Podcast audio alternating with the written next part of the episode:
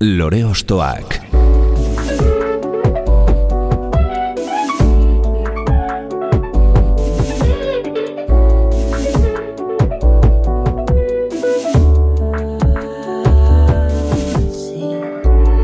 Ekain perezek aurkeztuta, gonbidatu bakoitza lore bat balitz bezala ostokatuko dugu.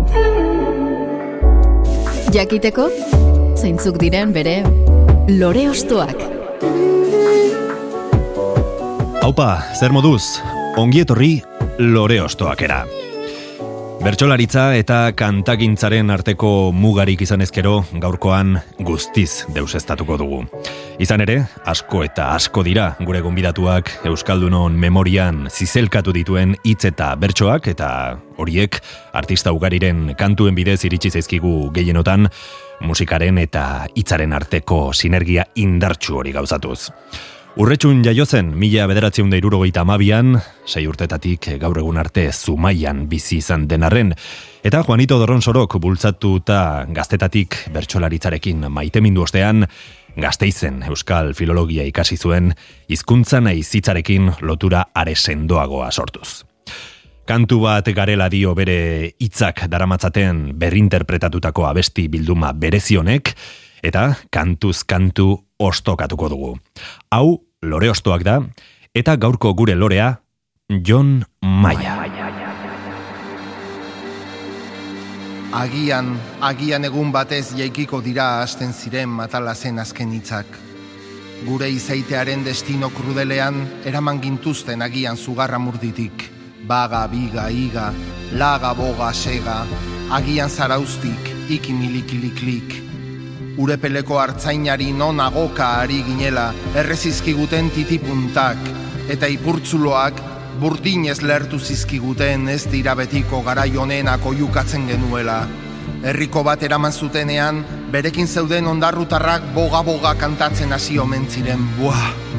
Altzateko jauna begira genuela hortzela nunbait, bere lurrera itzultzeko zai, orbaitzetako armaolako horma zaharrek dardarrekin zuten iratiko basoan, eta basoilarrak kantatu zigun, zaindu maite duzun hori, zaindu maite duzun hori, bere terretxe hoetik atera zuten argi urdinez borda batetik bertzera zebiltzanak, gau amaigabe bat baino latzago, ta eun urtea baino gehiago ezagutu ditugu. Gernikako arbola da bombardeatua, Euskaldunen artean guztiz maitatua, eta Gernikako ondakinen artetik eraman zuten lau aseta. Goiz eder hontan erail behar nabe idatziko zuen ziegan fusilatua izatera atera aurretik. Azken oiua, dana emon bihar jako maite dan askatasunari. Eta itxasontzi baten Euskal Herritik kanpora garamatzatela ez dakin nora, gure seme alabak itxasertzean eduki ditugu, aingira eta itxastrikuen eskumendean. Agur siberua, adios gaixo etxendena, zaplasteko kazirti zarta urpegi masailetan bota zuten lurrera, ama, oroitzen zaitudanean sukaldean egoten zara, eta guri begira bidoberman beltz bilatzen eta suntxitzen, aitarik ez dut ama hilzelarik, eta edozein herriko jaixetan gaupasa egin genuen bitartean hil zuten beste bat, lengo batean, kalearen erdian, hotel monbar, kampanadas a la muerte, kampanadas a mortz, emaidazu eskua eta gertatu zeneko lekura eramango zaitut, baina ez zaidazu galdetu gauza ilun guztien arrazoi gordea, denbora aldakorrak atxedenik angabe daraman bidea, daraman bidea, goizeko ordu bietan esnatutzen gera, erropaz eta maitasunez beteriko zakuarekin joateko urrutira, gure maitea, isil-isili dago ziega barrenian, liurarik ez, zazpisen ideko famili batean, arrotza zen gure aita, orain sei gara, un horrible sueño, o llama Euskal Herri goxua, mi cuarto en llamas, Hernani mila behatzireunda laro lau, zaidago ama zaia eta milak aldiz abestu dugu begiak lanbrotuta, eta hala ere maite ditugu maite gure bazterrak. Maite nintzen jarraitu genuen edozein herriko jaixetan, bai zindakizut izan zarela ene bizitzako honena, txantxibiri txantxibiri jo dugu mendira, amaika manifestaziotan elorrixoko kalian, eta azken arnasa eman dugu itxasoari begira, itxasoan urak handi dire zatituri gauden ontzat, Euskara da gure territorio libre bakarra, telesforok esan zigun zutitu eta euskaraz mintzatuko naiz nere hiltzailearen aurrean. Morz la patri, euskaraz baino ez dakiten oiei, morz la patri, gure abuelek etzekiten euskaraz, baina bazekiten lauaxeta hil zuten eskuberdinek hil Federico García Lorca, eta gu vuestras nietas y nietos de Extremadura, gallegos, castellanos, maquetos, manchurrianos, de Andalucía entera como Marina Leda, guk los chachos de vuestros genes, Euskal Herrian Euskaraz nahi dugu hitz eta jolas. Kantu bat gara izeneko albuma izten duen epilogoa da entzun berri duguna eta ederki borobiltzen du diskoa Euskal Kantagintzaren esaldi ezberdinekin, hitz eta jolas eginez sorturiko pieza ederonek. Jon Maia, Ongietorri, lore ostoak era. Kaixo, eskerrik asko. Esan bezala, beste artistek zure hitzekin osatutako kantu arrakastatxuak bereskuratu eta zure terrenora ekarri dituzu bilduma honetan, zerk bultzatu zintuen lana osatzera? Beti behar den motivazio bat, olako lan handi bati ekin aurretik, ze bestela ez indarrik, eta askotan denborarik ere ez, olako dimensiotako lanari ekiteko eta motivazio indartsu bat bilatzen dut edo, edo sortzen zait ezta, eta motivazio hori baldin badaukat, ba, hortatik abiatzen naiz lanera eta kasu hontan ba, demorarekin iritsi naiz olako ondorio poetiko batetara ez da, ba, zer garagu edo beti nabil pixka bat galdera hoien erantzunen bila, bai diskotan edo dokumentaletan edo liburutan o bertxotan aritzen naizenean.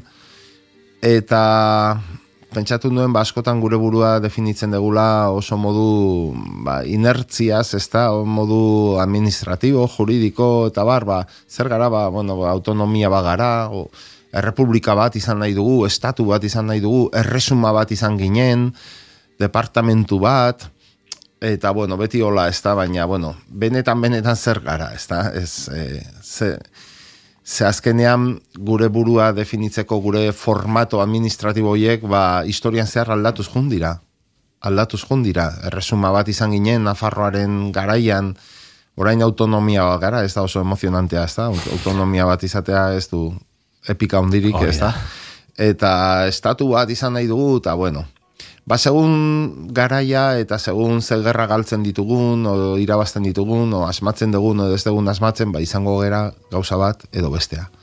Baina garai guztietan aldatu gabe izan garena eta beti-beti izan garena, ba, nik esaten dut hori dela kantu bat, ez da?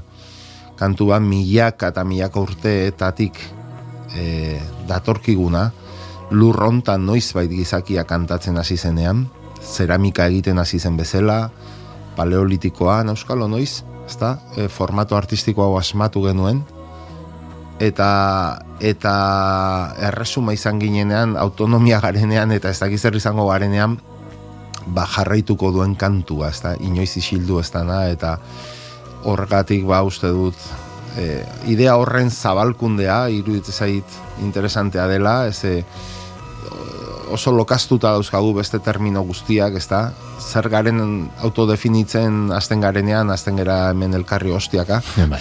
askotan.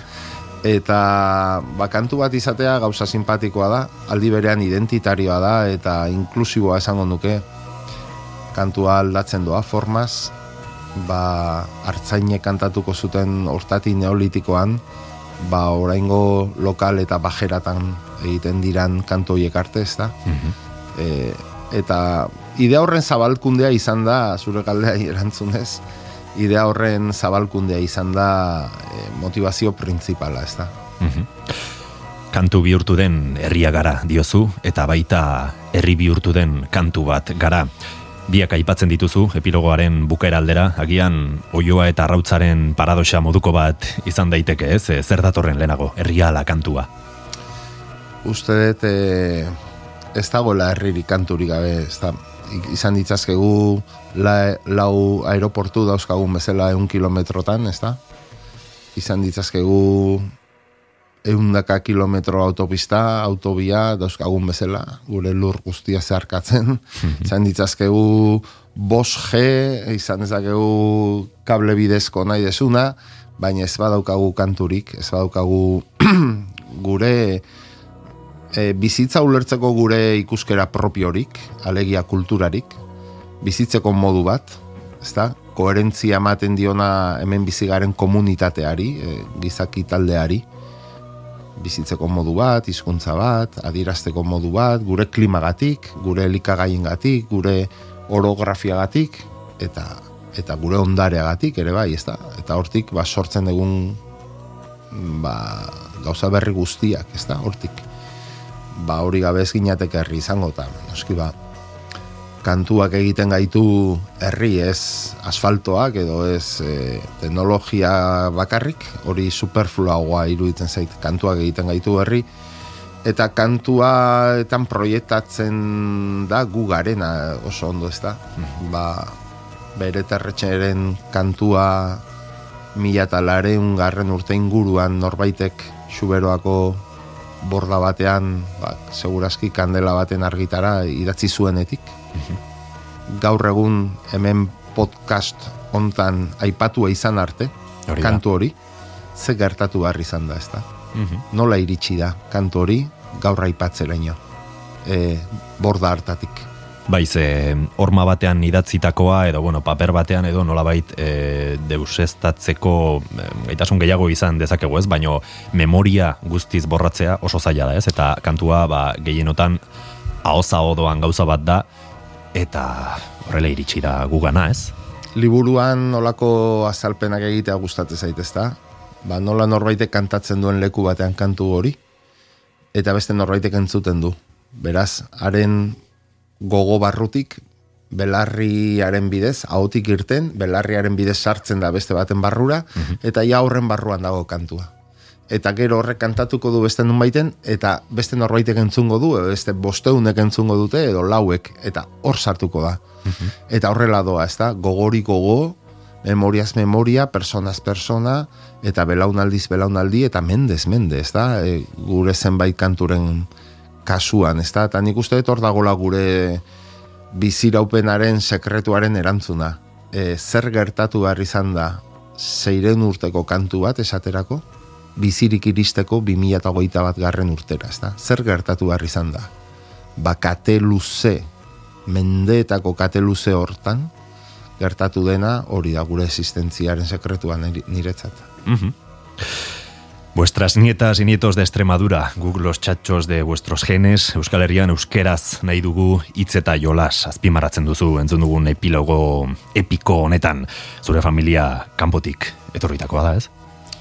Bai, eta oso presente dago hori nigan, azkenean agertzen zait egiten dudan gauza askotan, egin nuen Rio Mundo novela, aurretik egin nuen bertso bat, laro eta amazazpiko Euskal Herriko bertsolari txapelketako finalean, abuela eta abuelo aipatu duz, eta lehenengo aldiz, ba, beti esaten dutan atera nintzela armariotik, ez da, nire, nire identitate hori izkutatu egiten duelako, ordur arte, mm komplejuz eta lotxaz eta eta geroztik ba bai esaten dut eta nik sentitzen dudana da ba, gu, gure familia kanpotik etorri da eta eta nik ez nuke zertan hemen egon beharko normalki ez da behar bada nire familia gerra bat galdu izan ez balu albazeten eta estremaduran eta gozea pase izan ez balute segurazki ba maite zuten lurra hartan e, jarraituko lukete ez da zeteno maite dugu gure lurra, guk Euskaldu nago bezala, ba,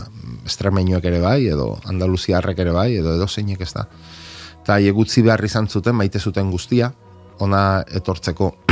Eta orduan, ba, nik kontzientzia bat daukat, umetatik, ba, guk euskera irabazi egin behar izan dugu, ni naiz lehenengo Euskalduna, nire familian, eta, eta hemen gure lekutsoa ere, ba, eraiki egin behar izan dugu Euskal Herrian gure lekutxo hau. Ez daukagu baserri bat orain dela bosten urtekoa, ez daukagu berrogeita marlen guzu Euskaldun, ez gara tribu bat, gure herrian, ez daukagu oiturarik, o berroi urte atzeragokorik, ez daukagu iraganik, ez da, e, guk hemen. Eta orduan irabazi egin behar izan dugu gure lekua, eta orduan horren kontzientzia osoa daukat, ze nik den den dena, ba, euskeraz egin dut eta euskerak eman dit eta lurronek eman dit. Pentsa, bertsolaria naiz. Noski. Bertsolarian naizelako idazten ditut kantak, egiten ditut dokumentalak, idazten ditut liburuak, eta den ni sentitzen dut, hola nahiko simple esan da, ba, dena zordio dala euskerari eta euskal herriari. Eta orduan ba, nire lan guztietan dago indar hori edo motivazio hori ba, itzuli nahi dio dala herri honi eta hizkuntza honi ba, eman didan guztia, eta badakit inoiz ez dudala lortuko, ez da, eman didan guztia itzultzea, baina horre, indar horrek eramaten dau, ze zor diot naizen guztia, zen, euskerari gabe ni ez nintzateke orain gaur egun naizen ezer, ez da? Mhm. Egoera politiko bortitzak bultzatuta edo egonda, ez, urteetan zehar, eta orain diziurrenik, ba, egongo da, estigmatizazio moduko bat, ba, e, abizen edo jatorri Espainiarra duen norori, ez, e, nabaritu izan duzu, e, zure azalean, sentsazio hori.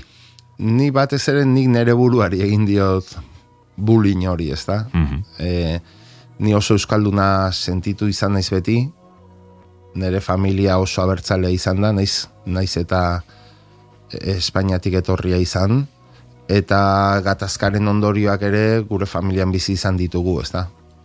Eta orduan niretzat espainola dena txarra zen, eta niretzat eta jende askorentzat ere bai, ez da? Eta, eta, eta espainola askorentzat ba, euskaldun guztia txarra izan da ere bai, ez da? Eta, dena oso txuri edo beltz, eta nahiko bizteralki, eta minetik eta gorrototik ere bai, ez da, ze mina jasotzen dezunean, ba, zuk ere mina nahi dezu, eta holako gauzak, ez da, eta eta orduan, ba, nire abizenak, nire gurasoen izenak, nire abuela abueloenak, eta nire euskera gaitasun eskaxagua, eta holako gauza, ba, komplejuak, eta barne gatazka sortu dizkiate urte urte askotan eta bueno, orduan nik neuke indiot nere buruari presio presio hori, ez da?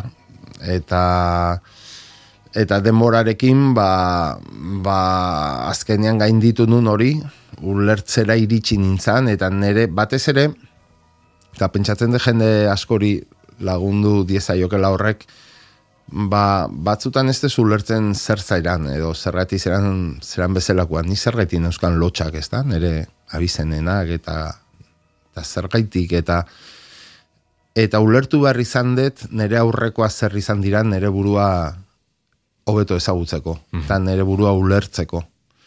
Eta ikusi nuenean, jakin nuenean, eta kontzientzia hartu nuenean, nire familia republikanoa zela, gerra bagaldu zutela, maite zuten guztia utzi behar izan zutela, ona etorri hemen irurogeita margarren amarkadan erabaki bere semeak e, ikastola batetara matrikulatzea, garai hartan, eta hori dana, ba, karo, lotxatzetik pasatzezera, igual arrotzera edo aldarrikatzera, ez da? Horrela konpondu nuen ere barne gatazka hori, baina, bai, nik uste dut hori ja, ba, bueno, ez da la bizilen bezala, ez zentzu hoietan bintzat, termino hoietan, ez da, Belarri Motz, Maketo, Manchurriano, Hablamen Cristiano, bueno, baina, usteet, oraindik irauten dula banaketa identitario, kultural eta politiko horrek. Eta askotan, alde batetik datorrena beste aldeak ez du automatikoki ja ez du ezer jakin nahi, ba, besterik gabe alde hortatik datorrelako ez da. Uh uste Euskal Herriko gai korapilotxu nagusienak, oraindik konpondu gabe daude, e, ba, erabakitze eskubidea, euskararen normalizazioa, ez da? Ba, uste gai korapilatxuenak nekez konponduko ditugula, e, komunidade kultural nagusi hoien arteko el, ezagutza aurrez egin gabe. Eza era bat bada zaratak amalau, urrutiko intxaurrak gerturatuta lau, gure herrian berriz hogeita amalau, probatu ez duenak ez dakizer den hau.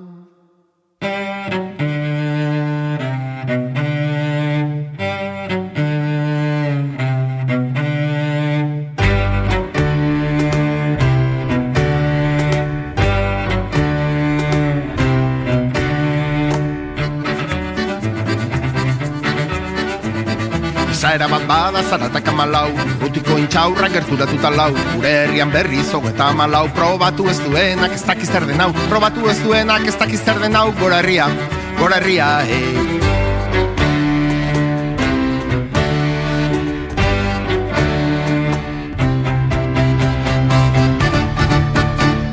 Estarri indartxuak ezin dira ito gure lepoa soka ez dago betiko. Barre egin gogotik, eskata mutiko. Kantatzen duen herri bat ez da inoizilko Kantatzen duen herri bat ez da inoizilko Gora herria, gora herria, e, gora herria, gora herria, uh.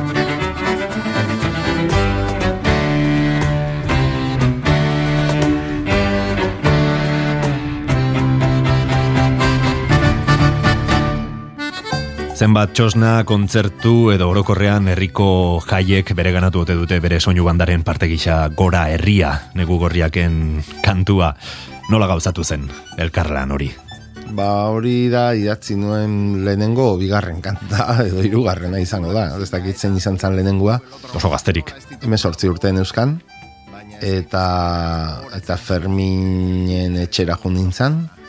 Bueno, berak entzun nindun elgoi barko gaztetxean e, bertxotara jun nintzen, lehenengo aldia behar bada gaztetxe batera bertxotara jun nintzen, ze orduan hori etzen bat ere normala. Bai, bere zirkuituak zeuden ez, bertxolaritzako zirkuituak bai, edo, baino... Bi mundu erabat aparte, incluso kontrajarriak esango nuke, zirela, e, ba, rock and rollarena eta bertxolaritzarena, eta bi publiko ez zirena konpartitzen. Mhm baina ni mundu hortakoan nintzen.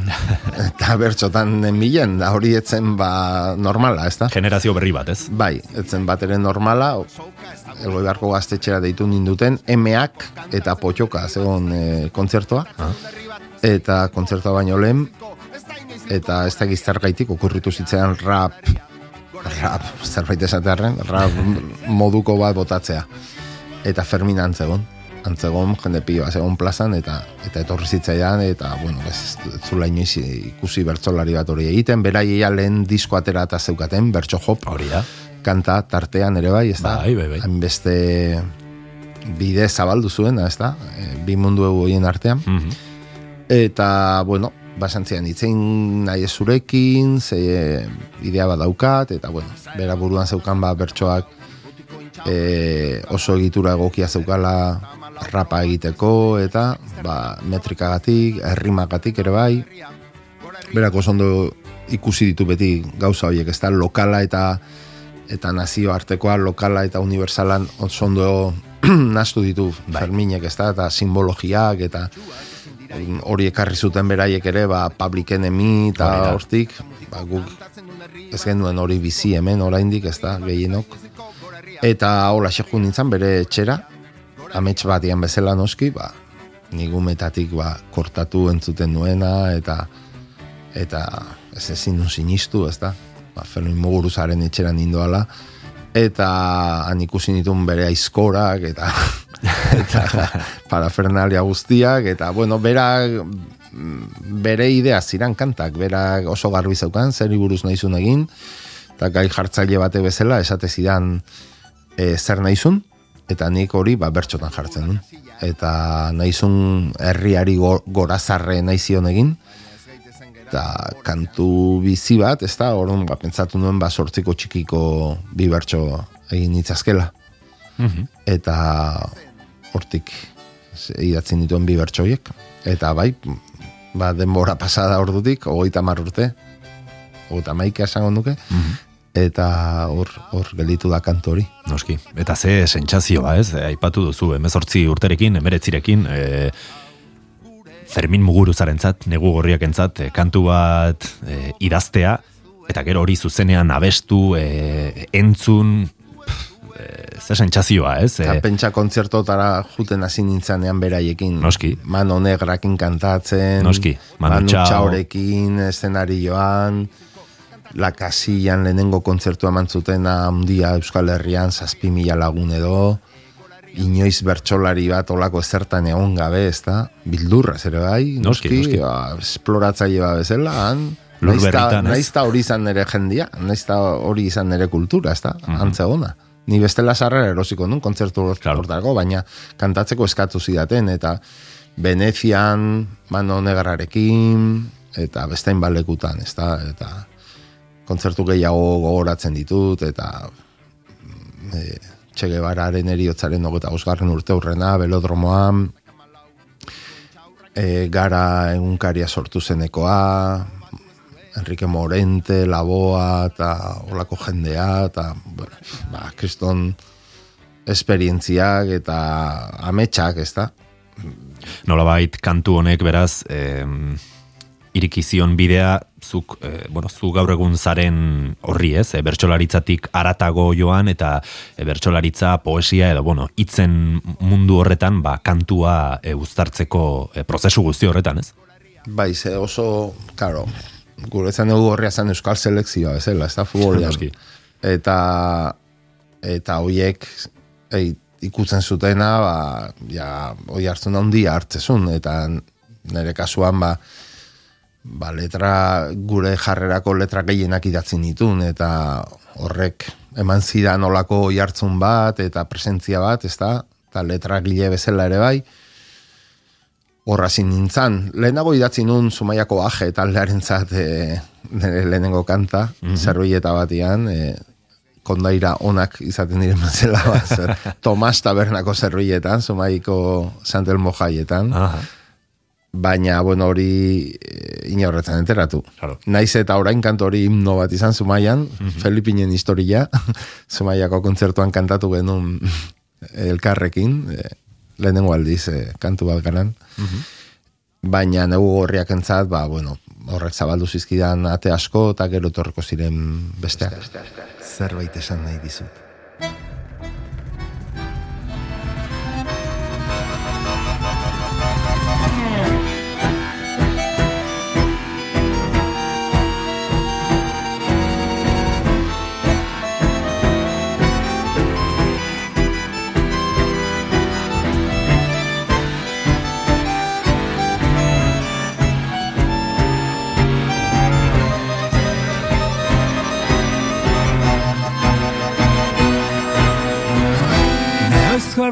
Argiak erdi zintzilik dauda taberna gainean. Urratu den aurpegi den pareta horrian Zubia gora zutitzen ziren pormuzeko ontzientzat Lehen euskalduna gaur palazioa eta biharko laino beltza Eta egiratzen zaitut Zoloaren gainetik zerbait esan nahi dizut zuan galdu aurretik.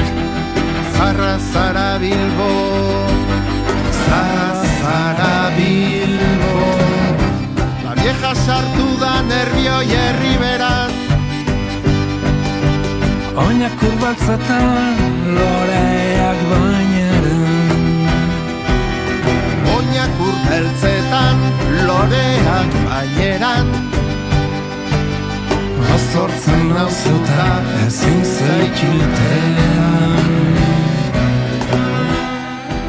Herri honen eta zure bizitzaren beste kapitulu bat ireki dugu kantu honekin, gari eta zarra zara bilbo. Zerbait esan nahi dizut, esaldiarekin hasten da kantua, eta gaur zer esan nahi duzu, kantu honi buruz.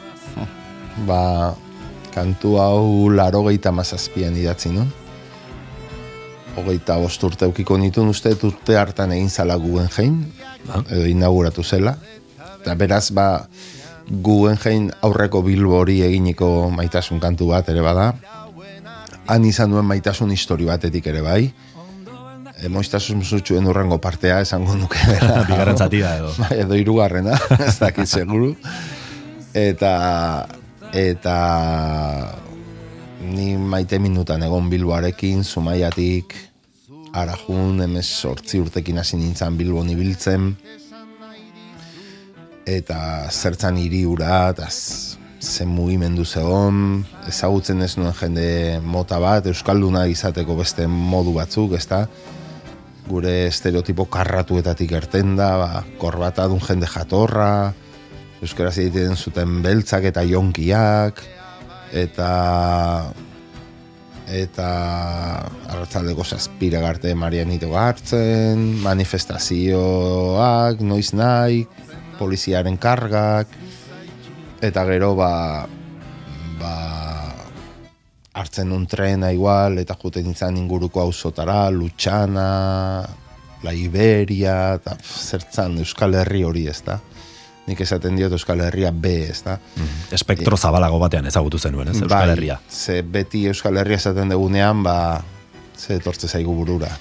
Tortze zaigu aiako harria, zumaiako flixak, ondarru, leitza, eta kontxa, eta ez, da- eta ez da eta ba ez, Euskal Herria hori dana bezain Euskal Herri dira, Lutxana, La Iberia, El Llano, Txantrea, Noski. Basauri eta El Pilar auzoa Gasteizen eta hoiek Euskal Herria dira.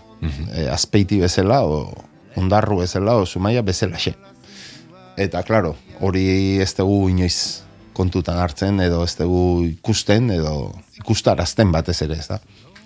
Hori deskubritu nun eta eta esaten dudanean ba begiratzen zaitu zuloaren gainetik zerbait esan nahi dizuzu galdu aurretik, bada malmazineko tunela pasatzen ari naiz kotxean eta Bilbora iristen variantetik, autopistatik eta eskubitara ba hor ikusten dut zuloan, ez da, botxoan e, iria.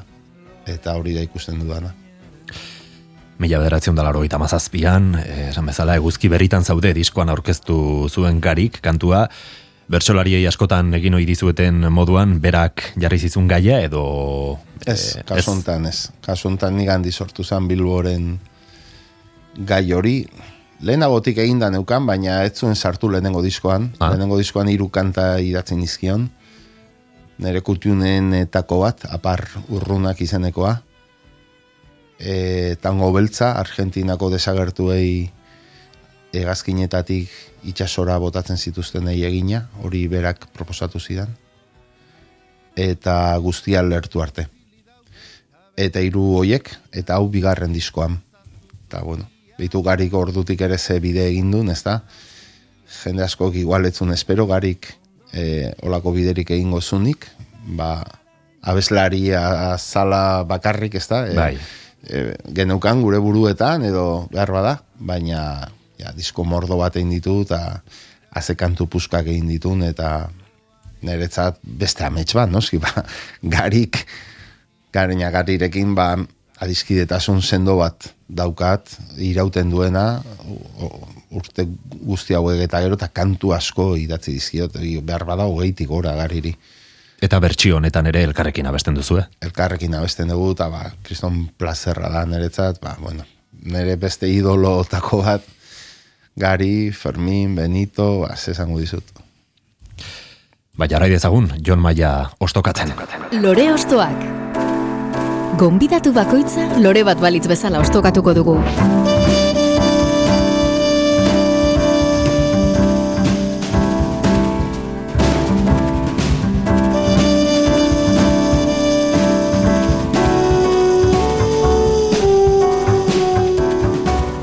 Kantu bat gara diskoa disekzionatzen gabiltza bere autorearekin eta nolabait gudenon oroitzapenen zati handi bat ere. Ze, aipatuko dugun abestiak, mila bederatzen da laurogeita amaseian presente zegoen orori mugituko dio barruan zerbait.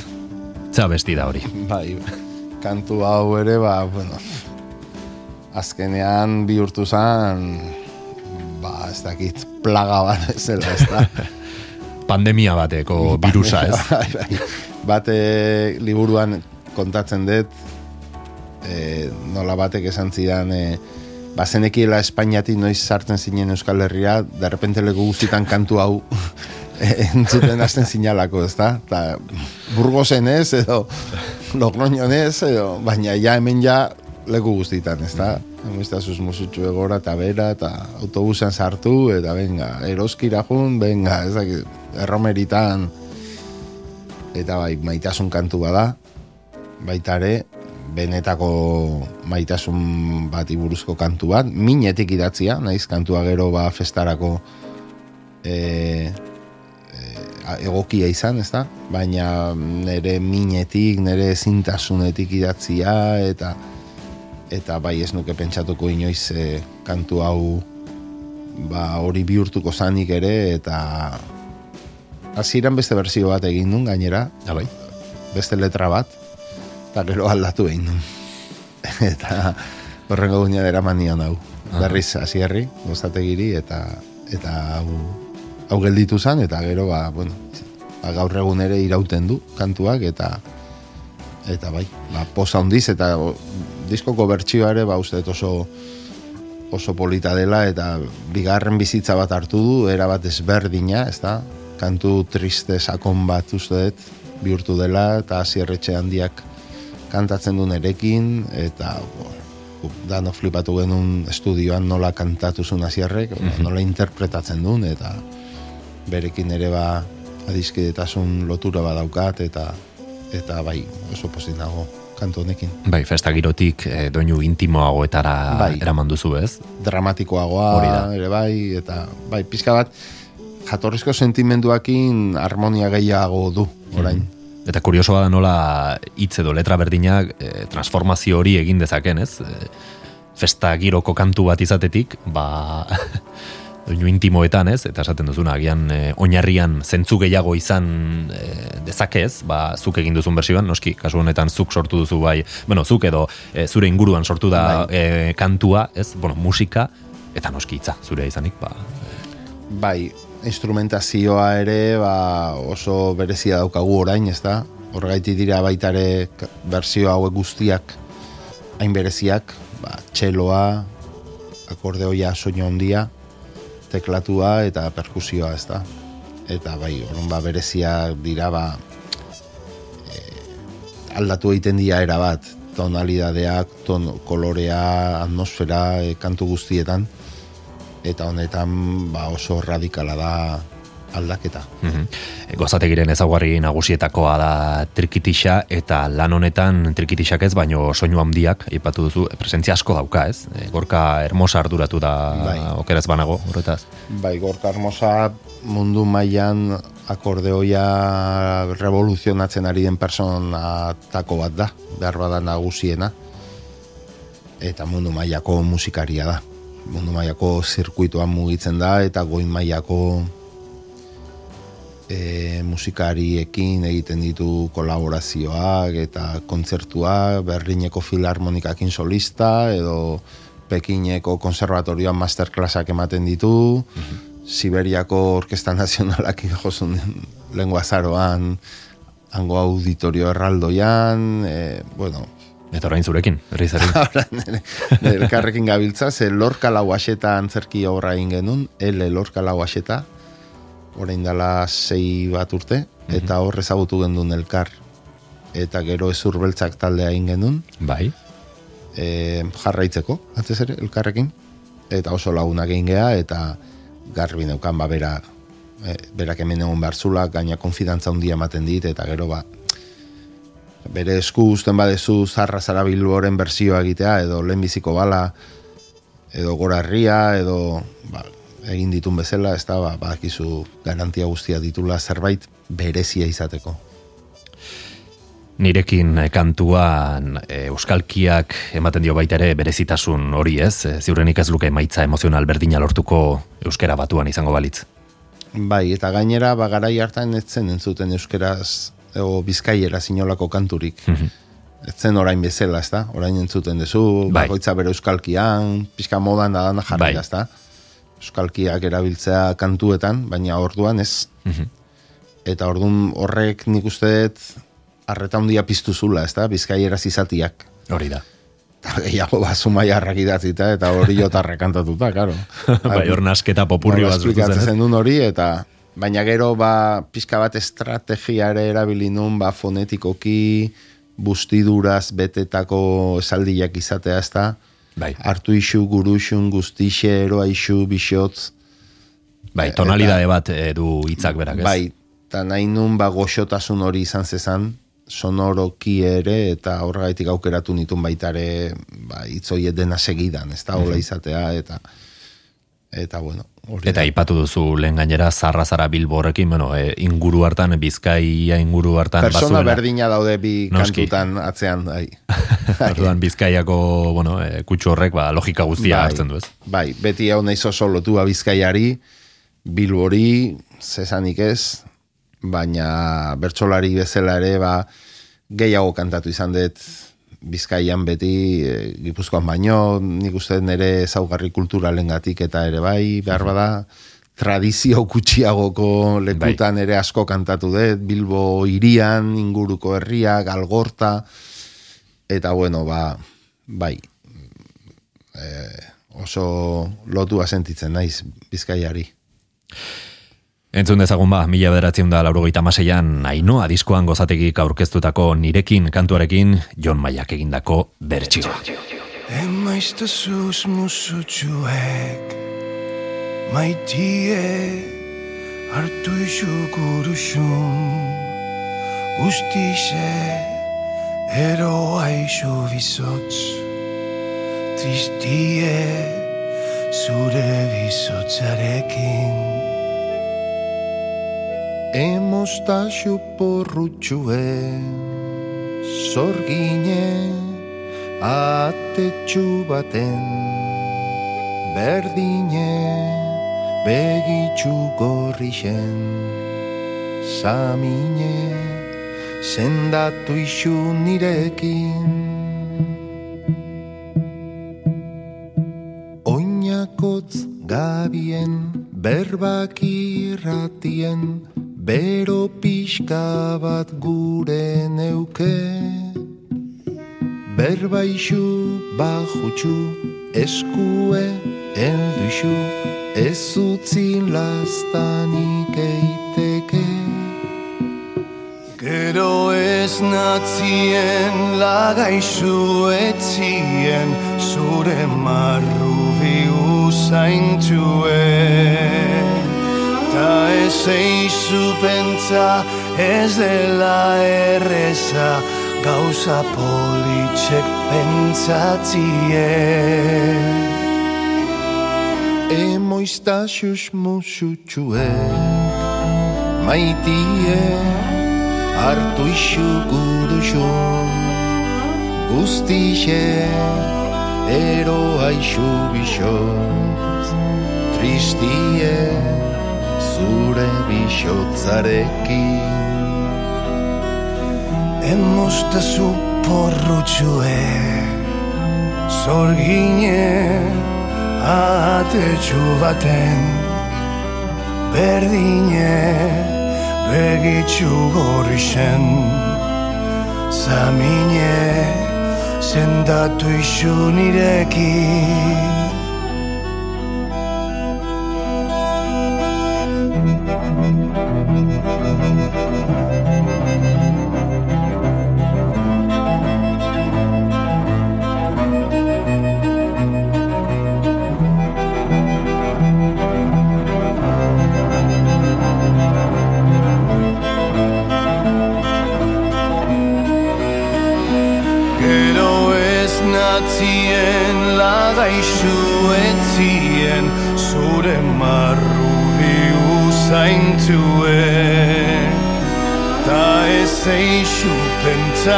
ez dela erreza gauza politzek pentsatzien Emoiztaxuz musutxuek maitie hartu isu guruxun Guztixe eroa isu bixotz Tristie zure bixotzarekin. Emoztaxu porrutxue Zorgine atetxu baten. Berdine begitxu gorrixen Zamine zendatu isu nirekin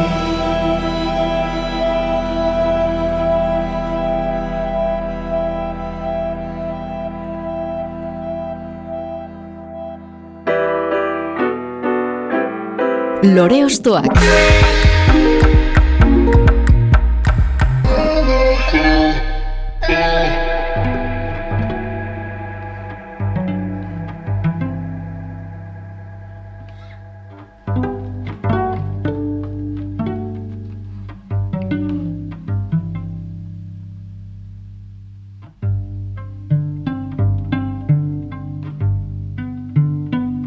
Gure baitango lurraldeetan Non geratzen den denbora. Non ez dagoen arnaz biderik Non ez goazen inora. Non oiukatzen urbiltzen garen Erraldoiaren ondora Igo nazazu nire mendira Zure gailurretik gora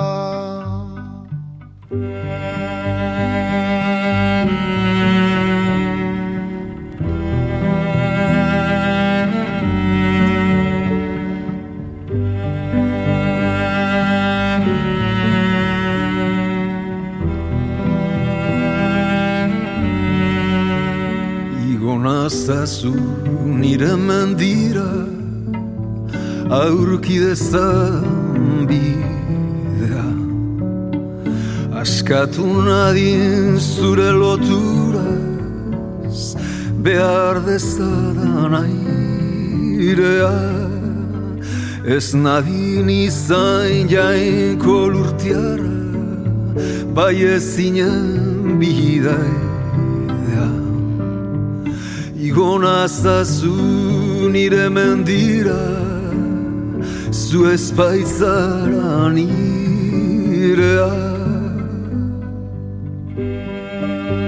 Epika maite duzula badakigu eta horrekin lotuta egon ohi dira ere sarkiak non geratzen den denbora Mikel Urdangarinek abestu zuen espilue 2000 garen urteko diskoan eta bero jartzuna ozen entzun daiteke oraindik e, zure diskoan beste bertsio bat egiteraino.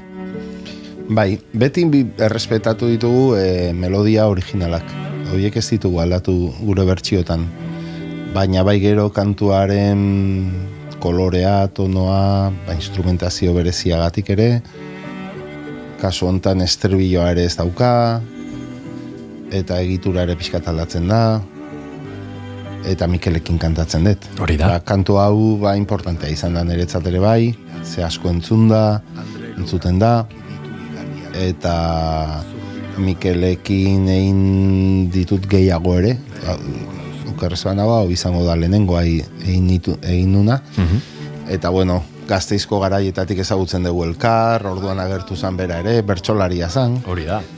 zornotzatik gazteiza, eta han elkartzen ginean, ba, ba, Mikel, eta Kirmen, Uribe, Igor Elortza eta biok bizi ginean, Josu Goiko etxea, e, Pixu berean, Irurok, eta holako giro bat zegoen, ez da, Carmele Jaio, eta, ba, akurtatze ginean denetarik, eta eta Mikel ezagutu nun.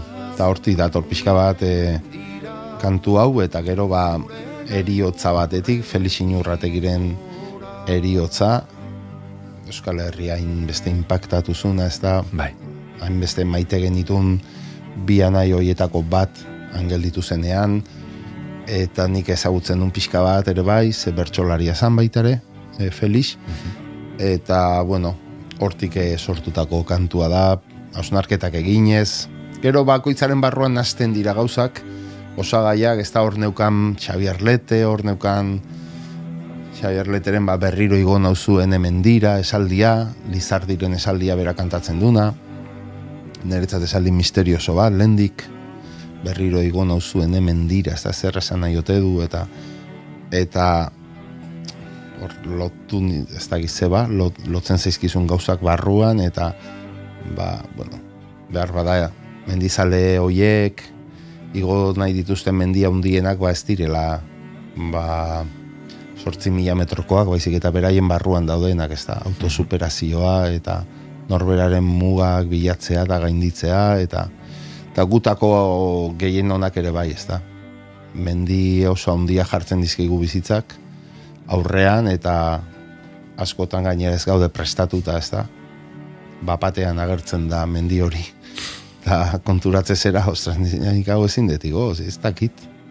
Ez dakit nola egin aurre eh, eriotza honi, edo, edo bikote austura honi, edo bildurra honi, edo komplejo honi, edo orain mundua ikusten dugu bezala ere, ba, bildurrak eta ez dakizu igual, ez da, eta bueno, hoie direla mendia hundienak, ez da, gure barruan daudenak. Mikel Urdangarinek eh, esan duzu bertsolaritzatik eh, kantagintzara egin zuen salto eta ibilbide luzea jorratu du horrela. Zuk nola definituko zenuke zure burua? E, bertsolari, poeta, kantari? Definitu behar dudanean, ba, bertsolari esaten dut. Ze, hori naiz, hori izan naiz beti. Hori naiz beti danik. Gero tarteka beste gauza batzuk izaten naiz. Ez da, baina nik esaten dut, bertsoa dela nere etxea, eta gero tarteka ateratzen naiz etxetik eta abentura gehi bizitzen ditut. Baina beti itzultzen naiz bertxotara eta ez dut inoiz utzi. E, beti nabil bertxotan eta... Baina muga hori edo hormari oso fina da zure kasuan, ez? Bai, azkenean... Etxeko horma hori. Kasi formatoa, ba, ja, ez diot erreparatzen, ez da? Formatoari. Formato dene balio diate. Eta bai, dos, bost dokumental egin ditut ja. Hori da. Eta bost diska ere bai. Eta novelak, bidaia liburuak, ensaioak, azkenean irratian ere bai, gidoilari, berdin zait, ez da, ni nahi dudana da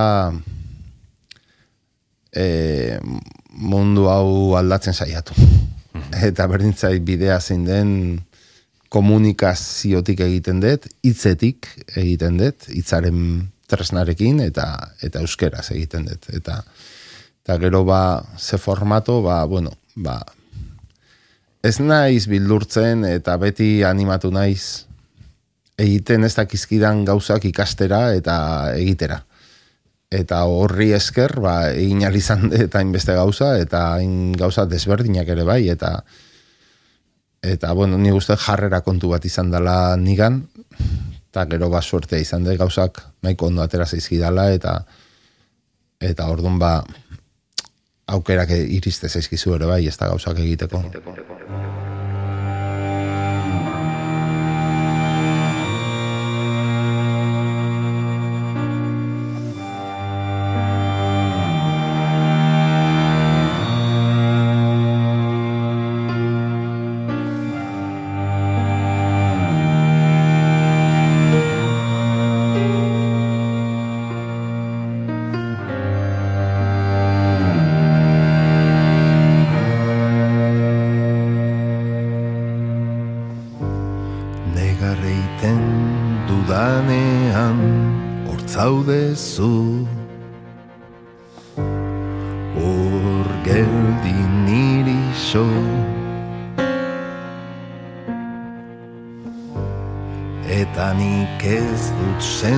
怎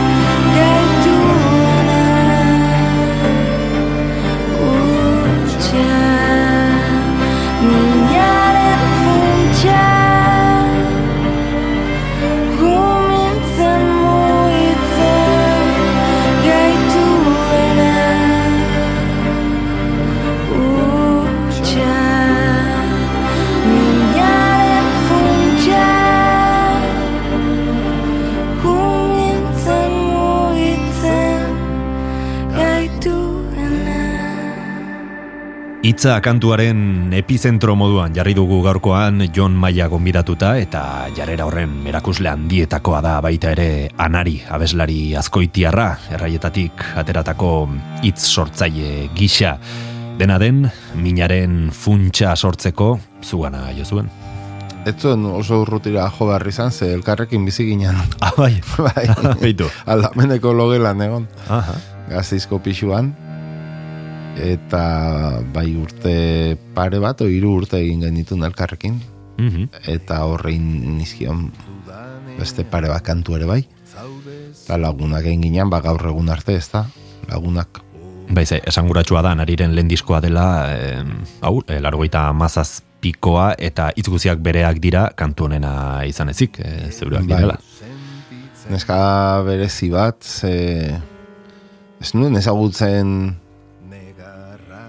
apenas kantanteriko talderi berak entzutezunik.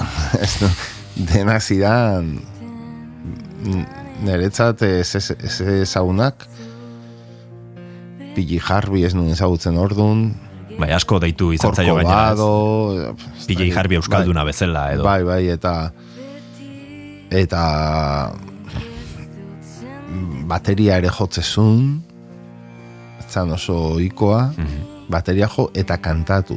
Aldi berian, beste talde batian eta bueno ba, bai horri idatzitakoa da baita ere eta mina, minetik ere bai kasontan eta minari minaren funtsa, utxa utxa dela e, ustasun hori dela minaren epizentroa edo ez da eta eta horti dator kantua Askorako ematen du minak sorkuntzan, ez?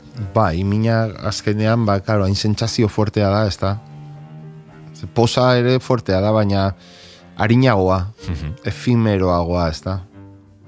Minak, minak, hor, ze, usten dizkizu orbanak eta eta zauri hoiek, ez da? Markak, sakonagoak edo eta memorian mina gehiago hiltzatzen dela ematen du edo.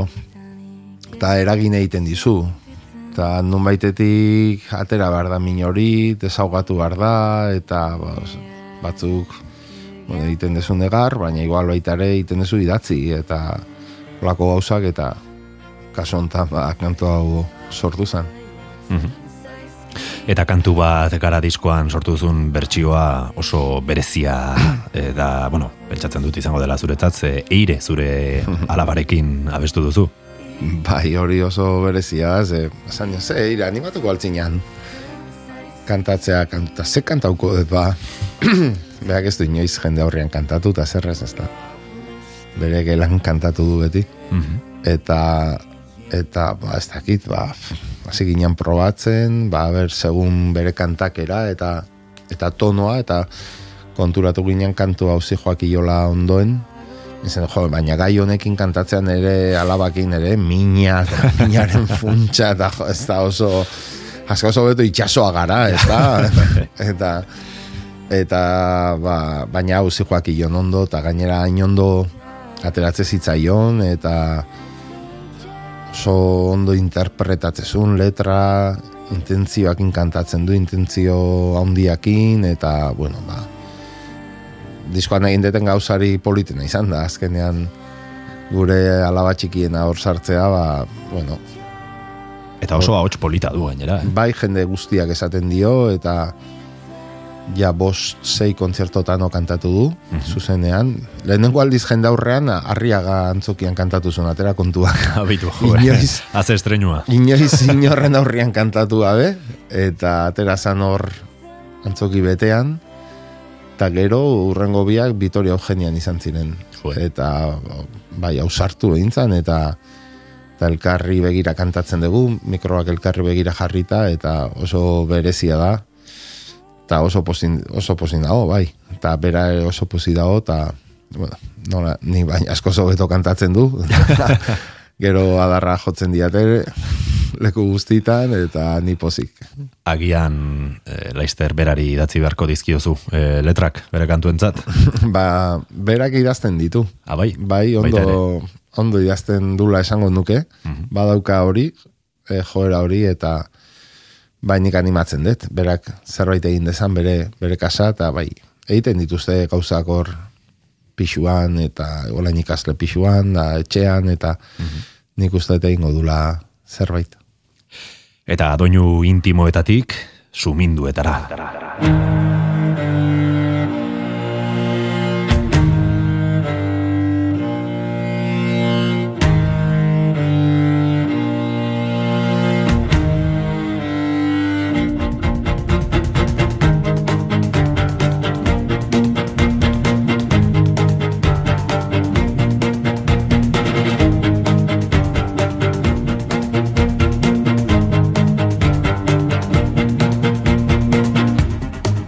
Hasi nahi nuen, tanke batek zapaldu zuen, eta beste bat jarri genuen.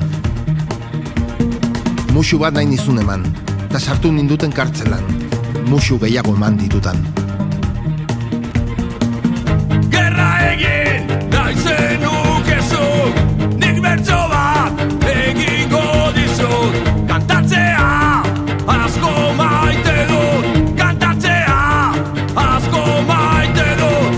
lo egiten dugu lasai, guk ez dugu obeditu nahi.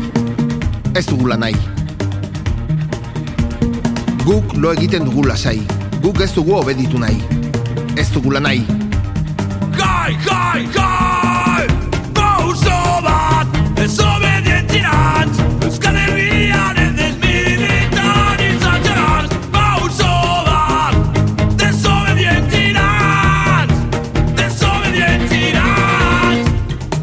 SA edo Sociedad Alkoholika taldearen polvo en los ojos 2000 garren urteko diskoan entzun genuen pauso bat Euskara zabesturiko kantua eta hau ere azkar zabaldu zen ahoz aho, kontzertuz kontzertu, tabernaz taberna eh, indar asko duen abestia delako ez.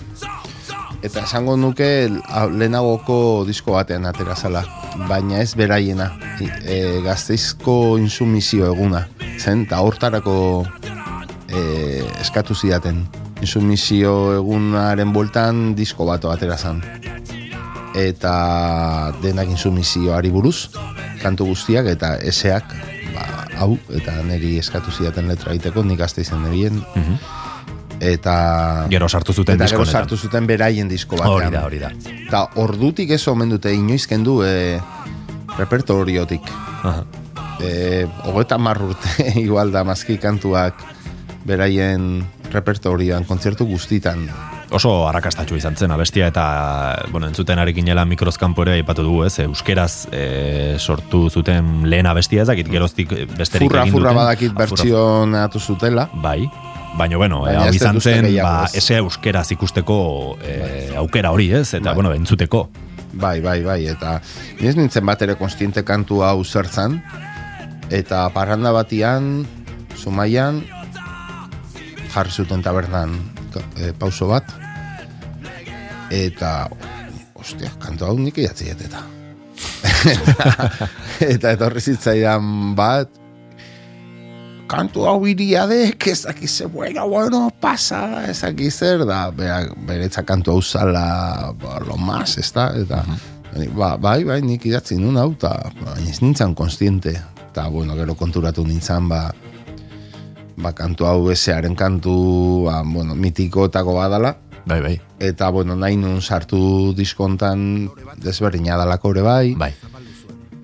eta bere esan nahiagatik, ez da, desobedientziaren mezuagatik ere bai, eta eta insumizioaren garaipen horregatik, ba, bere garai bat agertzen da kantu hontan, ez da, eta eta bueno, ba, Peio Ramirezek egintzun, moldaketa, kantu honen moldaketa, txeloarekin, eta pasada bada, ez da, ze hain desberdina da, baina hala ere oso indartsua da, pentsa e- eseak ze, ze kaina daukan. Bai, bai, bai, bai.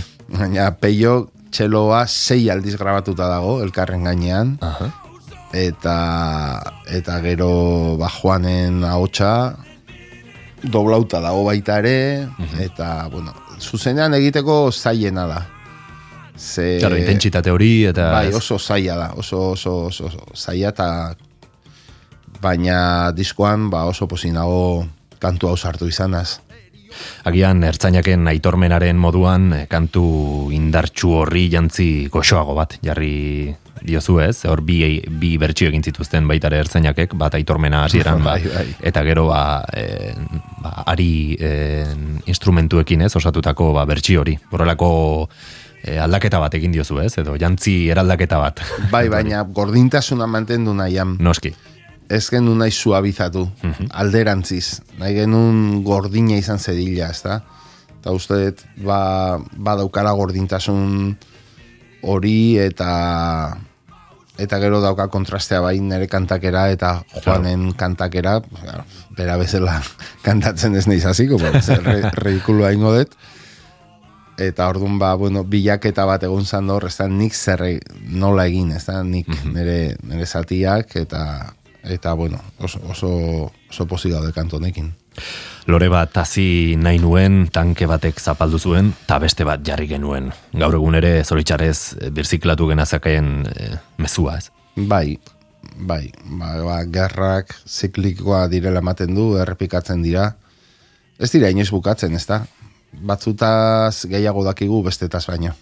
Baina bukatu, bukatu, gerrari gabeko mundu aldirik behar da ez da egon. Ez.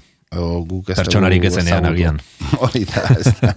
Eta orduan, ba, bueno, hori ba, orain ere balio du, eta gero baita ere, ba, pandemiarekin bizi izan dugun guztia ere, bai, ez da, kontrol soziala, eta, ba, neurri bat arte, ba, bulertzen desuna, ez da, e, bueno, neurriak hartu behar direla, baina beste alde batetik, ba, ikusten duzu baita ere nola aprobetxatzen den e, areagotzeko kontrol sozial hortan eta gauza horiek arriskutsua direnak ere bai, ez da, neurri batean. Eta orduan ba mezu potentea dauka kantonek eta, eta insumizioa, ez da, insumizioaren aldeko kantua eta, bueno, garai horren testigantza bat. Asko izan dira jorratu e, dituzun gaiak, baino itsasoa askotan izan ohi da inspirazio iturri zuretzako ez? bai beti dago presente eta nire kantu askotan zenbatuko banitu segurazki pilo bat izango dira itxasoaren aipamena duten nire, nire hitzak eta eta bai a, sumaian bizi nahi sumetatik arraunlaria izan nahi sortzi urte oso ondartza zalea naiz bueno, ba hor dago beti ez da eta zaila da hor bizi baldin bazera ba halako gauza hundiak eta biziak ez eukitzea presentziarik zure sorkuntzan. Zazpi mendeko gauean gaude gure lore eta sasi Irrintzi oiuel eta ulumar mariota garrasi Aizeen bata brisa galerna gaur garbi bihar nasi. Xaketa ularen zuri beltzetan arrats gozo egun gazi. Aitxasorik ez bagen euka, Zer iso negarrez hasi.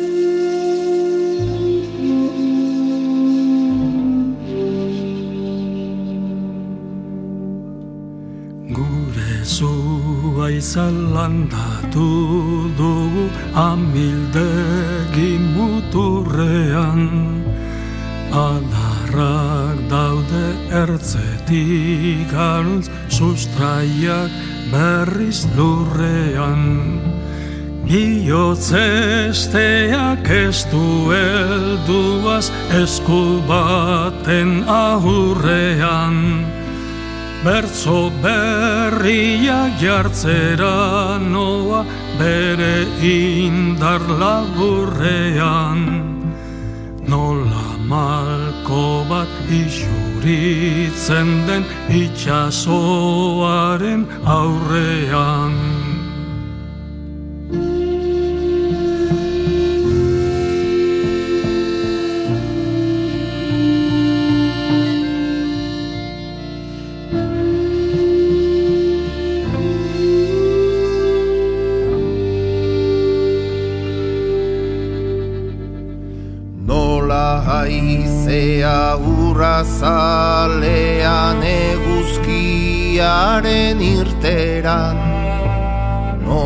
kaioak zora bioan itxasen bata bezperan.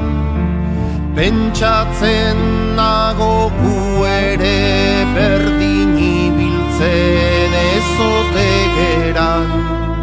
Susmoa daukat patua bera itxasua ezote da Libreta zabaldugu aurrean baina ezin dugu edan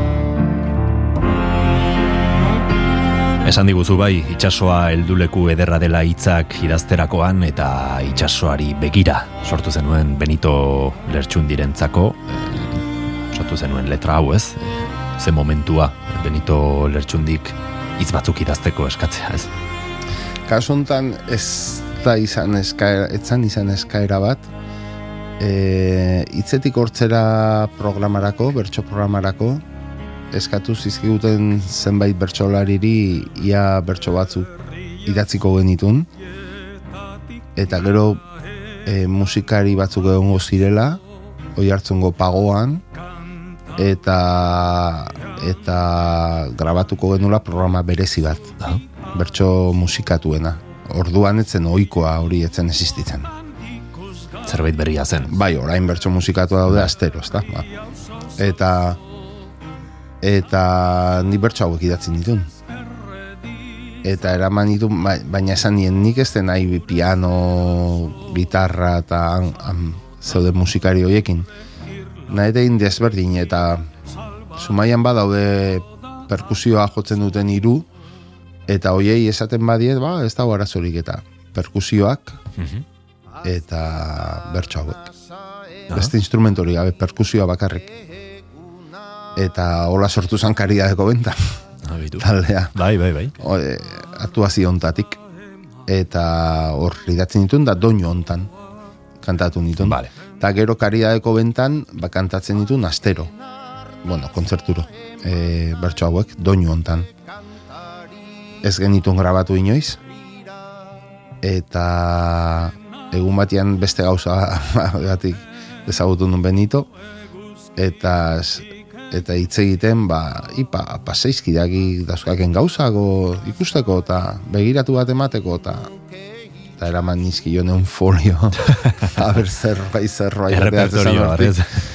eta tartean bertso hau den eta gustatu zitzaizkion asko eta doinua etorri omen zitzaion gau batian Ah, bai.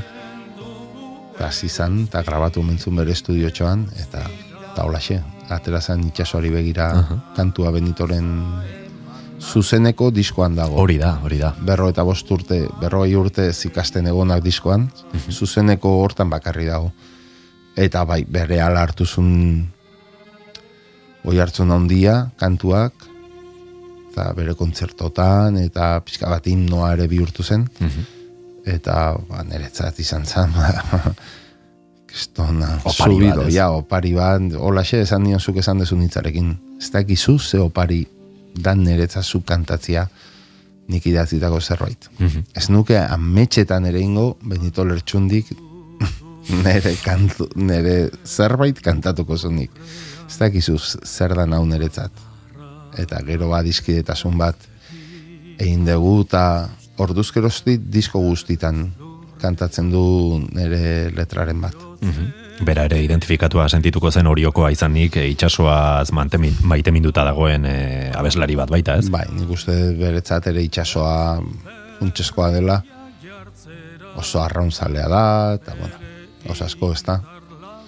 Eta, eta bai, ba, bat egingo zun letra honek, nunbait bere barruan dagoen zerbaitekin edo, eta ba, niretzat opari, esan dugun bezala ba, opari bat izan da, eta orain, ba, Xabier Amurizarekin kantatzea, ze nahi nuen Xabierrekin zerbait egin, ze oso adiskidetasun berezia izan dugu beti, egin ditugu elkarrekin beste gauzatxo batzuk, proiektoren bat, lehenago, eta gure maixu handia bezala da, ez da, Xabier Amuriza, euskal kulturaren erraldoietako bada, ez da, Bai. erraldoi bat, bizirik, laro geita bat urte ingo ditu aurten, eta gainera etortzen da, kontzertutara, kantatzera ez beti, baina desente, etorri da, eta boa, kriston esperientzia da, bere ondoan hau kantatzea, ze kontzertu bakoitza omenaldi ba bihurtzen da, beretzat. Noski. Eta unkigarria izaten Jendeak da. miresten du, ez? Miresten du, leyenda bada, ez da, eta juten dan lekuan, ba, bere presentzia, bere ahotsa, ematen dituen azalpenak, bere humorea, eta, bueno, ba, ore bat, ore bat. Eta hore kantuaren, bertsoaren eta hitzaren beste maitale bat, ez? E, honek ere horma hori nahiko fina. e, Aitzindaria. Mhm. Bai, polifazetikoa, aitzindaria, mm, esan desun bezala, bertsoa, kantua, literatura, kompromiso politikoa, iraultzaile bat, bertsolaritza eraberritzearen ba, eragile nagusia, ez da? Eta beste zor diogu, zenbat himno, Euskal Herrian Euskaraz kantua, Euskorrirena, mendian gora aritza, ba, pentsazazu ze kantu, ez da? Edo hil lanetan jai, tapia eta leturian gehiago, oskorrirekin zenbat, xera muriza da, bueno, e, olako jendeari esker egiten egin du aurrera gure herriak, ez da? Bai, kantu bat gara horren e, atzean dauden ba, gizon horietako bat, ez? Edo gure Horietako bat, imaginarioa bai. sortu duenetako bat. Bai, bai, bai, bai. Beraiek beraiek eman diote arnasa, ez da? Herri honi.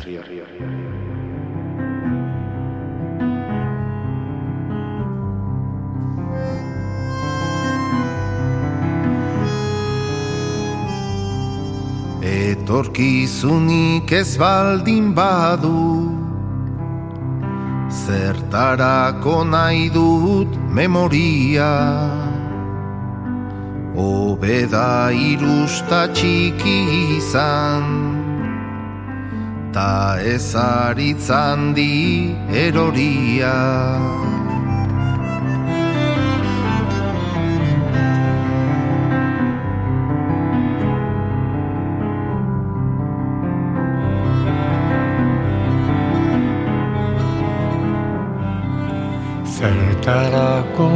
te da musika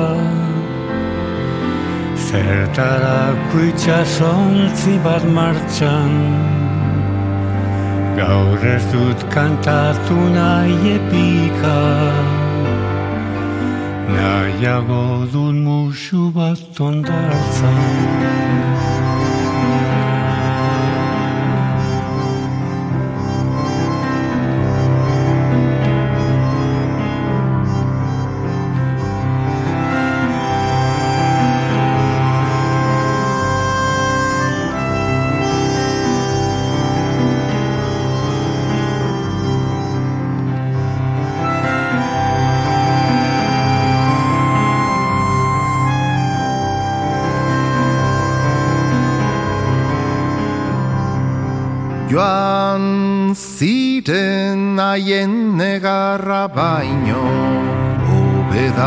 datu zenen irria.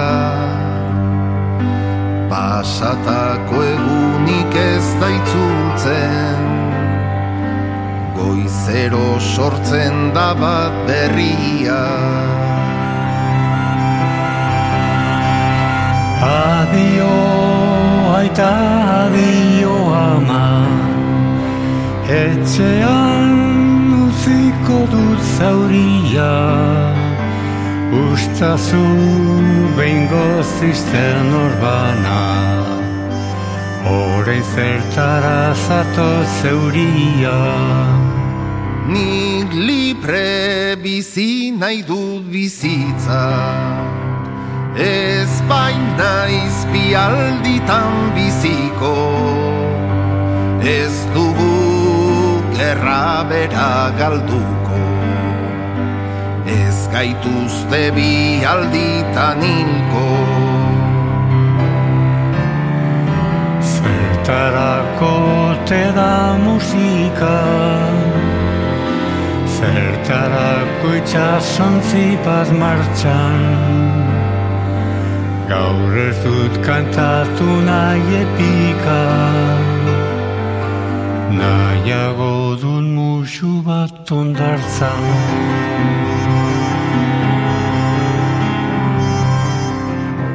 Beste artistek zure hitzekin osatutako kantuak bildu dituzu kantu bat gara lanean, baino hain justu, entzuten ari garen ondartzako musuaren himnoa izeneko hau, sorkuntza berri bat da, Nacho Sotoren musikarekin eta Antxon Latxaren konpainian abesturikoa ez. Bai, letrak egin ditun ezur beltzak taldearen kantu batean. Eta hemen beste berzio bat egin dugu eta berria da, berri bakarra zen nahi non bat berria sartu. Ez zedin izan ba, erabat ba, iraganari begira, ez da oraindik aktiboan nago eta oso aktiboan esango nuke. Eta bueno, ba, kantu berri baten freskotasun hori eta simbolikoki ba nahi nun nahi nun sartu eta holaxe sartu genuen ondartzako musuaren himnoa Luciusko kolaboratzaileakin Anton Latxaba Euskal Herriko ahots ezagunenetako bat, segurazki, eta ederrenetako bat ere bai, eta eskorrirekin, ez da, bigarren ahotsa, bigarren kantaria edo, eta umetan bilatzen dituen oskorriren kasetetan ba, bere kantak, ez da. Hola, abertze kantu kantatzezun disko hortan e, Antxon Latxak, ez da kantu ederroiek gaztelu gatxe zeireun urte inguru edo ostatuko neskatxaren koplak edo eguzkitik ilargira edo neguminean edo pillo bat ez da eta eta hitz egiten ari ginen batian, da, ez dakit zeba norbaitek Anton Latxa ipatu zundez. Ostra, Anton Latxa. Nora gustauko litzaidaken Anton Latxa kantatzia nere letra bat, bere hautsor horrekin entzutia. Nere umetako idoloa, ez da? Idolo bat. Deitu nion eta beraia erretiratua. Eta esplikatu nion historia hau dana. Eta, bueno, ba, ba, baietz esan zian. Animatu zen. Animatu zen, eta arriagako lehenengo kontzertuan kantatu zuen nerekin, eta hor retiratu zala esan zian. Ya está. Azken kontzertua. Ala esan zian. ez dakit igual kantatuko du gehiago baina. Eta, ba, kriston ilusioa eta uste dut oso kantu polita. Jende askoren kantu kutxunena igual hau da, baita ere diskoan, eh? Mhm. Bai. Aipatu dugu lehen epikaria bestea gustuko duzula edo naturalki ateratzen zaizula, baino kantu honetan gauza xumei edo gertukoagoi e, abesten diezu ez, ondartzako musu bati esaterako.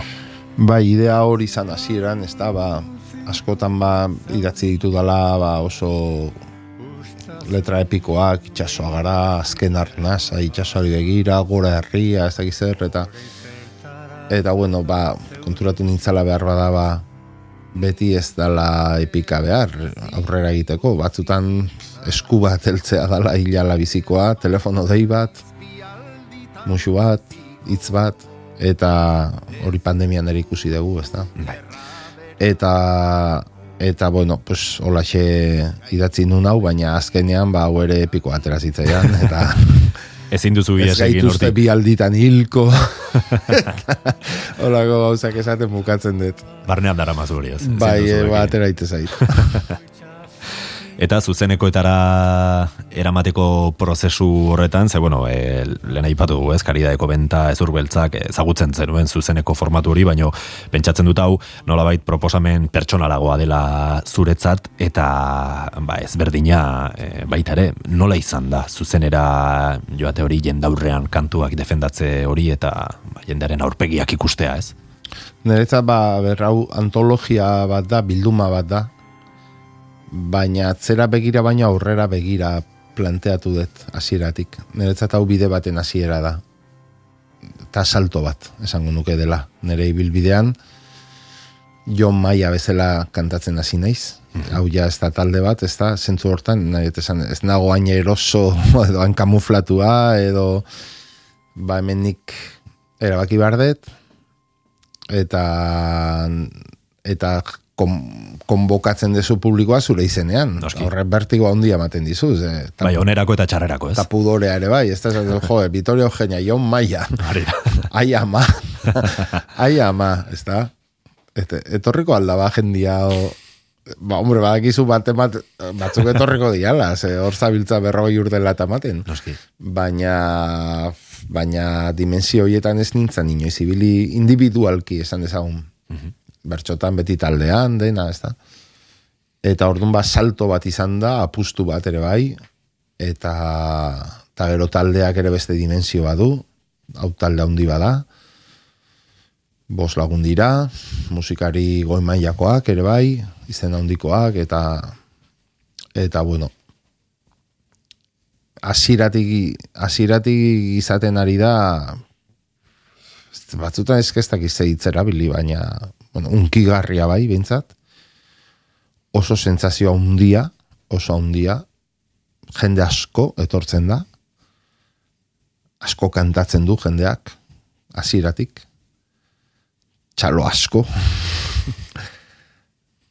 emozio asko, parre asko egiten dugu, zen ere paiaso ere badaukat barruan, eta, eta negar asko, negar desente dago, eta, eta denbora asko, bi ordutik gorako kontzertuak e, izaten dira, eta esango nuke ez dela kontzerto bat, ez dakit nola definitu oraindik.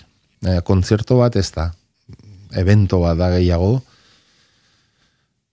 gonbidatua daude beti, beti dira desberdinak, impresionantea da. Kontzertu bukaeran, liburuak saltzen jartzen naiz, jartzen gera, eta hor firmatzera eta hori, eta bueno, jendea etortzen da, eta batzutan pues, ezin dute hitz egin igual, ez da, negarrez edo eta ze gauza esaten dizkizuten eta asko moitzen du, ez da gauza, ez da planteamentua ez da behitu ze kantu polita dauzkagun da ze ondo jotzen dugun edo. Bai.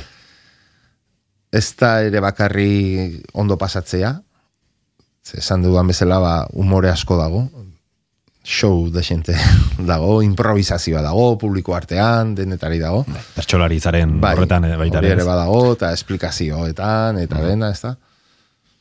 Baina, baina da idea baten zabalkundea, diskurso asko dauka, gatazka politikoa, identidade personala, bizitzaren pasarte historikoak, ba, bueno, ba, hori baino urrategi, edo itxasoa gara, kenzazpi, zuetenak, e, denetari dago pixka bat ez da, eta eta azkenean, ba, bueno, eventoa bihurtzen da, eta eta deskribea zinan, niretzat hau, hau dana, eta espero de bide luze baten hasiera baino ez izatea.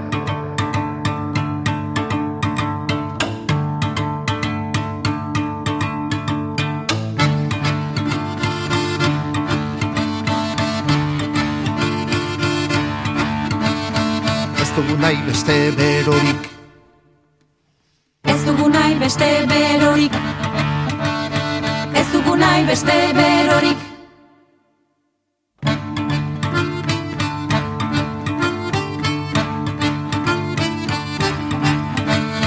Ez dugu nahi beste berorik. Zure musuen sua baino. Ez dugu nahi beste berorik. Zure musuen sua baino. Ez dugu nahi beste berorik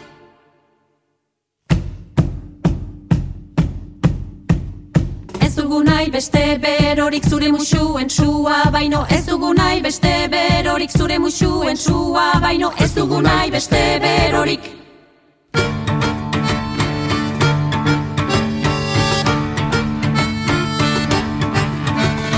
Bernoatik gure portura, basotik labarretaraino Ez dugu nahi beste berorik zure musuen sua baino Bernoatik gure portura, basotik labarretaraino dugu nahi beste berorik zure musuen sua baino. Ez dugu nahi beste berorik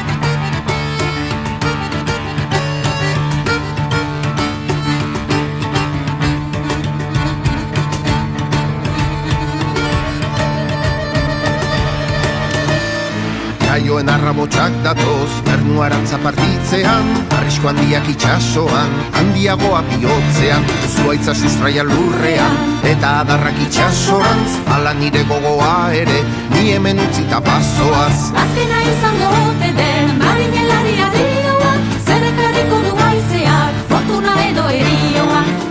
Txalupak itxasoan, odol bitxetan da balantzan Ala harima goxetua, suaren gainean bantzai beste berorik zure musuen sua Baino ez dugu nahi beste berorik zure musuen sua Baino Ez dugu nahi beste berorik.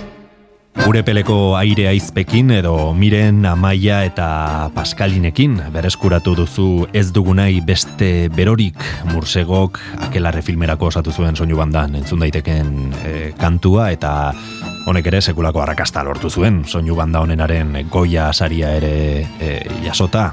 Sari horren zatitxo bandola bait zurea ere, ere bada ez? Goiaren begi bat edo belarri bat agian Goiaren beia igual, ez?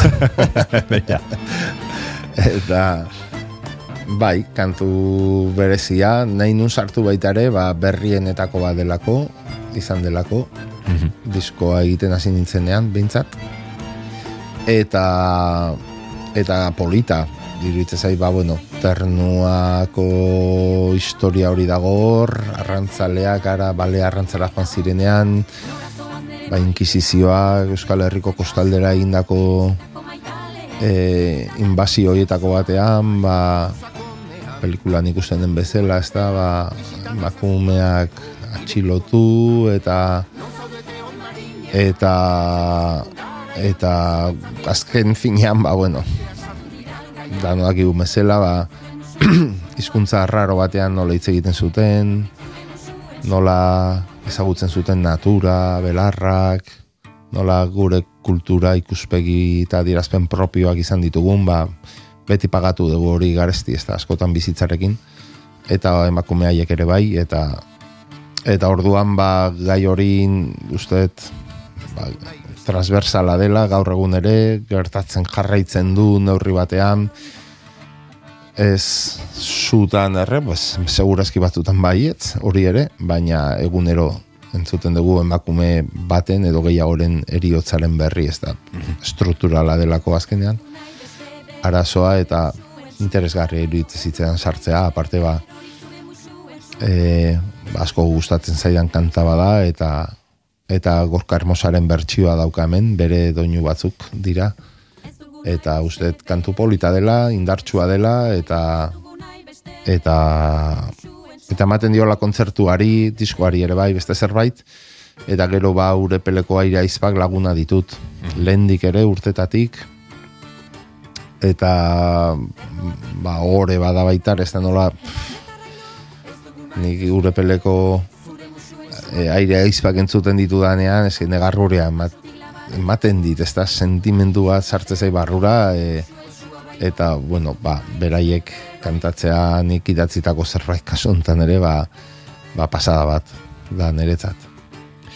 Ez aparte hartzen duzun lehen ikusentzunezko proiektua, lehen ere esan dugun bezala, ternua hitz egiten da filmean, e, lehen itxasoa hitz egin dugu baita ere, e, apaizako beto dokumentalean ere itxasora eta ternuara begira jarri zinen, baduzu hor e, lotura moduko bat, ez? Itxasoa, ternua, bidaiak, lehen aipatu duzu ez, bertxolaritzatik, ateratzen zarenean, abentura moduko batzuetan sartzen zarela. E, Nere bizitzako abentura handiena igual hori izan da, et, Kanadan egindakoa paisako beto espedizio famas, famoso hura.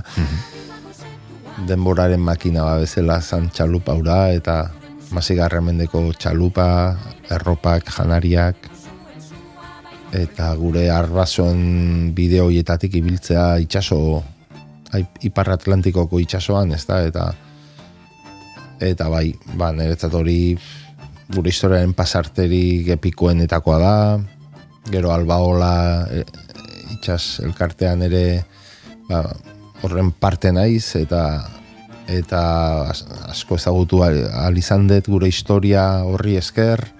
Ontzigintza tradizional hori zuaitzak egurra eta historia ez da, eta bueno ba oso evokadorea iruditzen zait hori dena bai. Hori hor daukat sartuta baitare eta ez ara geldik egotekoa. Ez geldik egoteko eta beti nahi dut behar bada de punto bat ere badauka pizkat ansioso ere ba naiz e, irentxi egiten ditut gauzak eta bizitza esango nuke. Eta orain ja hain naiz urrengoan pentsatzen ja. Hau ja egin dut eta ja urrengoakin eta beti hola nabil ez da beti daukat ilusioa beste zerbait egiteko eta eragiteko eta biziarazteko jendeari ere bai, ez da? E, eta orain uste behar degula ere bai, bizitzen ari geran aro historiko hontan, ez da? Behar degula energia, behar degula esperantza bat, zerbaitetan sinistu, elkartu, e, indarra sentitu, eta bueno, ba, milaka urtetan hemen egon bagera, ez da? Ba, egon, egongo otegera urrengo milaka urte batzutan ere bai, ez da? Ba, lehen ere pasako zituzten bereak eta bi, eta ontatik ere aterako gera. Eta kantu bat garela argi geratu zaigu, baino ziurrenik bukatu gabeko kantu bat, ez? Oraindik hitz eta melodia asko faltako zaizkion eh, kantu bat.